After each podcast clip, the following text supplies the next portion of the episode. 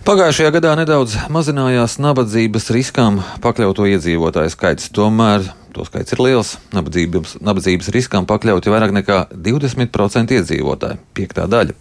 Taču šogad pēc straujā cenu kāpuma pārtikai un energoresursiem iespējams dati par šo gadu būs krietni drūmāki. Un tā kā diskusijas par budžetu un tā pieņemšanu vēl priekšā nav skaidrības, kad nabadzīgākie iedzīvotāji var gaidīt atbalstu pieaugumu. Lai runātu par nevienlīdzības mazināšanu, mūsu studijās sociāla antropologs un ekonomists saimnes deputāts no progresīvajiem Andris Šuvājos. Labrīt! Labrīt! Jūs saimā darbojaties nevienlīdzības mazināšanas komisijā. Kādi būs šīs komisijas uzdevumi un cik lielā mērā komisija centīsies mazināt nevienlīdzību, nabadzību? Jā, nu, komisija ir jauna izveidota. Iepriekšējā saimā tādas nav bijusi. Es arī domāju, šī bija viena no progresīvo idejām veidot šādu komisiju. Līdz ar to es domāju, ka tas pirmais solis ir labs likumdevēja līmenī mums ir izveidota vismaz viena institūcija, kas uzraudzīs šādu veidu politiku. Komisija vēl nav sanākusi, līdz ar to es arī var ne, nevaru izteikt teiksim, tos pašas komisijas no, nospraustos, nospraustos mērķus, bet var izteikt savu personisko skatījumu varbūt par to, kas, manuprāt, ir tomēr šajā politikā svarīgi. Mēs redzam no vakardienas publicētajiem skaitļiem, ka būtībā tāda e, nevienlīdzības, nabadzības mazināšanas politika Latvijā ir stagnējoša. Procentuāli varbūt mēs tur samazinās par 1%, vienu gadu palielinās nākamgad, kā jau, kā, kā jau tika minēts, iespējams skaitļi būs drūmāki. Mēs būtībā redzam, ka Latvijā šī politika nestrādā. Eh, te var atsaukties jau pirms gandrīz trim gadiem publicētajā valsts kontrolas ziņojumā, ka mums ir noteikti formāli mērķi, bet darbības, kuras valsts veids, lai, teiksim, kuras, kuras teorētiski ir virzītas uz to, lai mazinātu nabadzību, netiek izvērtētas. Bieži vien tās darbības dublējas gan pašvaldības, gan valsts līmenī, un līdz ar to ļoti daudz tātad, neefektīvas darbības, kuras mēs nemaz nezinām, vai viņas strādā. Kāpēc domāju, netiekam uz priekšu? Kas ir par lietu? Es domāju, ka nu, tas ir pirmais, mēs Latvijas, eh, Latvijas politikā tā ir daudz plašāka problēma. Mēs, mēs, mēs nospraužam šos formālos mērķus, teiksim, ka mēs vēlamies kaut vai Nacionālajā attīstības plānā samazināt nevienlīdzību līdz tam konkrētam Gini indeksa punktam bet pēc tam mēs neizvērtējam, vai šīs darbības, kuras mēs veicam, ir efektīvas. Tas, neatiecās, tas attiecās ne tikai uz nevienlīdzības politiku, daudz plašāka problēma. Um, komisijas mērķis līdz ar to, es domāju, ir pirmkārt ir, ir uzraudzīt šo sistēmu, pārliecināties, ka, ka ministrija līmenī mēs nospraužam ne tikai mērķus, bet arī uzraugam mūsu darbības un pārliecinamies, ka viņas ir efektīvas. Un, ja viņas nav efektīvas, tad domājam jaunas. Es domāju, ka otrkārt Mēs redzam no šiem skaitļiem, tomēr, ka nabadzībai, nevienlīdzībai ir izteikts profils. Pirmkārt, tie ir cilvēki, kas ir ārpus darba tirgus. Tātad nestrādājošie cilvēki, seniori, cilvēki, kas līdz ar to šobrīd uztiek vai no uzkrātā kapitāla, vai arī no kaut kāda valsts atbalsta. Mēs redzam, ka, ka nabadzībai, nevienlīdzībai ir izteikts reģionāls raksturs. Tad Rīgā šis procents cilvēkiem ir daudz mazāks nekā reģionos, kas atspoguļo vai nu investīciju trūkumu reģionos, vai arī esošo investīciju neefektivitāti efektivitāti. Atkal, manuprāt, komisijas uzdevums ir pievērst, jā, pievērst uzmanību tieši šiem jautājumiem un tomēr vērtēt, kā ministriju līmenī tieši šie divi aspekti tiek risināti.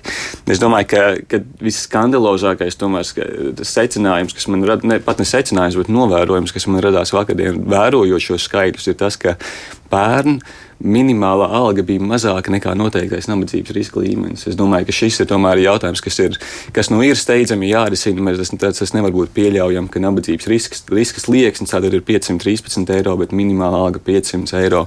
Minimālajai algai tomēr ir jābūt tādai, kas spēj nosekt e, visas šīs vismaz minimālās vajadzības. Jūs arī esat uh, budžeta komisijā.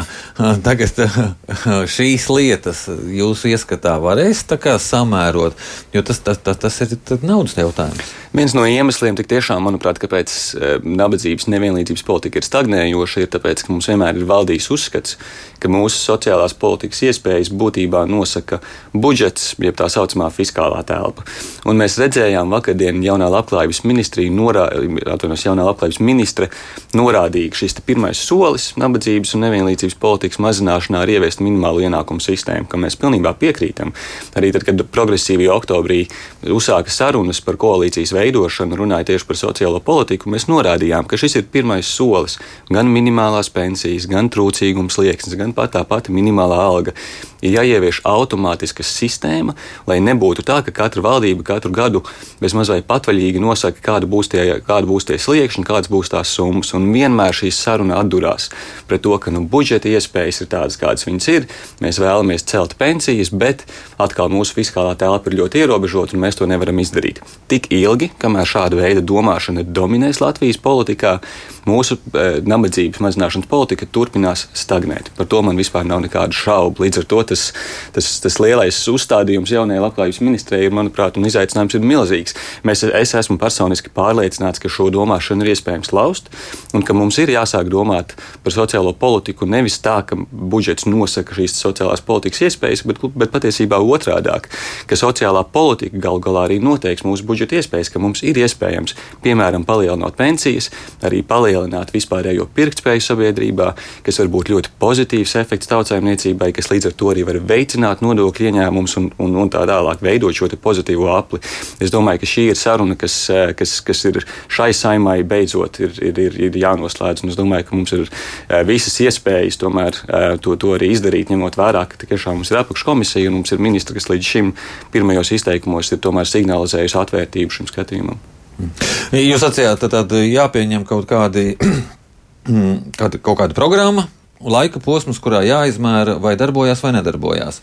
Kas tad būtu šis laika posms? Gads, divi? Nākamā saima nomērīs, vai šīs saimas eh, komisija ir labi strādājusi, un vai tie pasākumi der, nedara? Nu, es domāju, ka apakškomisija ir tā, kura, kura uzraudzīs to, vai šis vērtēšanas process notiek. Mēs jau šobrīd varam vērtēšanu uzsākt. Teiksim, arī pirms trim gadiem, kad valsts kontrole jau publicēja savu pirmo revīziju tieši šajā sociālās politikas jomā, tur jau, manuprāt, bija tie pirmie soļi spērti, kad šāda veida politika tika izvērtēta. Es domāju, ka, manuprāt, es arī strādāju publisko izdevumu revīzijas komisijā. Manuprāt, būtu ļoti interesanti skatīties uz to, kā tie ieteikumi, ko valsts kontrole izvirzīja pirms trim gadiem, ir vai nav ņemti vērā. Jo tomēr mums nav viss jāsāk no jauna. Mēs jau redzējām, tomēr, ka pateicoties arī šim valsts kontroles ziņojumam, gan satvērsmes tiesas lēmumi, lēmumiem pēc tam, tomēr savu veidu minimālo ienākumu sistēma tika mazliet uzlabota. Tas arī ir iemesls, kāpēc tajā ziņojumā, kas tika publicēts vakar, tomēr tas nabadzības procents ir mazliet samazinājies. Tā problēma ir, ka vienkārši šie minimāli ienākumi vēl nav nostiprināti teiksim, tādā likuma, likuma līmenī. Un tiklīdz mēs to izdarīsim, tā es esmu pārliecināts, ka tas būs daudz plašāks solis vienkārši tajā virzienā, lai mazinātu šo nabadzības procentu. Un atkal šeit tomēr šī apakškomisijas, apakškomisijas funkcija un, un jēga ir, domāju, pietiekami liela, jo tas ir veids, kā tomēr nostiprināt šo politisko gribu, tādā politisko, politisko, iniciatīvu, politisko iniciatīvu likumdevēja līmenī.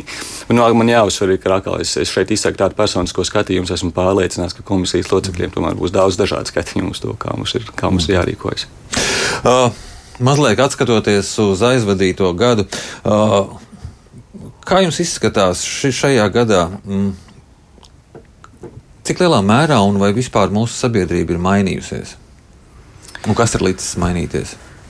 Uh, nu, tas jau tas ir tāds filozofisks jautājums. Es domāju, ka, protams, ka mēs. Nu, Man, man tā uzreiz laikam grūti atbildēt, vai esam mainījušies. Nu, pārmaiņas notiek visu laiku, protams. Es domāju, ka, ka tomēr skatoties savu šo prizmu, savu nabadzības, nevienlīdzības prizmu, varbūt tās izmaiņas tomēr ir, viņas, viņas nav bijušas tādas, kādas es vēlētos. Mēs tomēr redzam, ka šis nabadzības nevienlīdzības jautājums tiek aktualizēts jau, nu, jau gadiem ilgi, un it īpaši priekšvēlēšana periodā, un tik līdz vēlēšanas beidzās, tā tomēr tā, tā vēlme risināt šos jautājumus īsti nav, un tas, manuprāt, arī tomēr atspoguļo tādu plašāku arī sabiedrības redzējumu, ka no vienas puses tie jautājumi ir aktuāli, no otras puses tā mūsu vēlme risināt viņus īsti nav.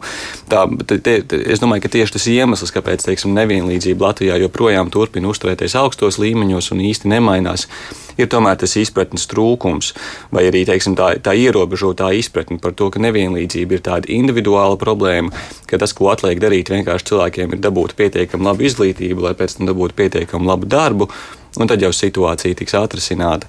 Es domāju, ka šajā ziņā mēs neesam mainījušies. Un, un, un, un Un te atkal es redzu mums lielu iespēju tomēr veidot šo izpratni par to, ka nevienlīdzība ir, viņa nav individuāla problēma, viņa, viņa ir problēma, kas, kas, kas tomēr caurstrāvo visu sabiedrību, un politiski ir iespējams veidot risinājumus, kas viņu mazina. Un, un, un šeit tomēr tās pārmaiņas ir daudz aktīvāk jāveicina, un viņas pašas no sevis nenotiks. Bet acīm redzot, nākamajā gadā arī saglabāsies ģeopolitiskie draudi, un tur nauda būs vajadzīga citām lietām, vai šīs sociālās lietas nepaliks otrā plānā? Diemžēl progresīvie nav valdībā un koalīcijā, un tāpēc, tāpēc tāds risks arī varbūt arī ir. Jebkurā gadījumā mēs uzturēsim spiedienu, lai, lai šie sociālie jautājumi tomēr ir priekšplānā. Protams, tā tie signāli. Bet vai priekšplā, viņiem jābūt priekšplānā, šajā brīdī jābūt priekšplānā, jeb jābūt aizsardzībai?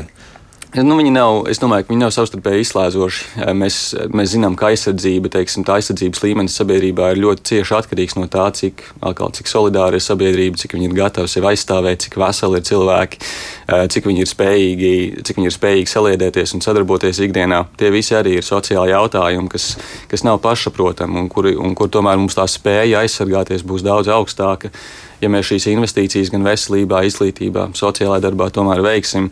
Līdz ar to, protams, tādā prioritārā secībā, ja mēs skatāmies mūsu, mūsu teiksim, aizsardzības spējas, viņas ir prioritāras, par to nav šaubu, viņas teiksim, pirmajā vietā. Bet no otrajā vietā ir šīs, es domāju, un, un, un tomēr tā valdības deklarācija šajā ziņā varbūt nav tik, um, tik pretīm nākoša, manuprāt, šiem sociālajiem jautājumiem, kā mēs vēlētos.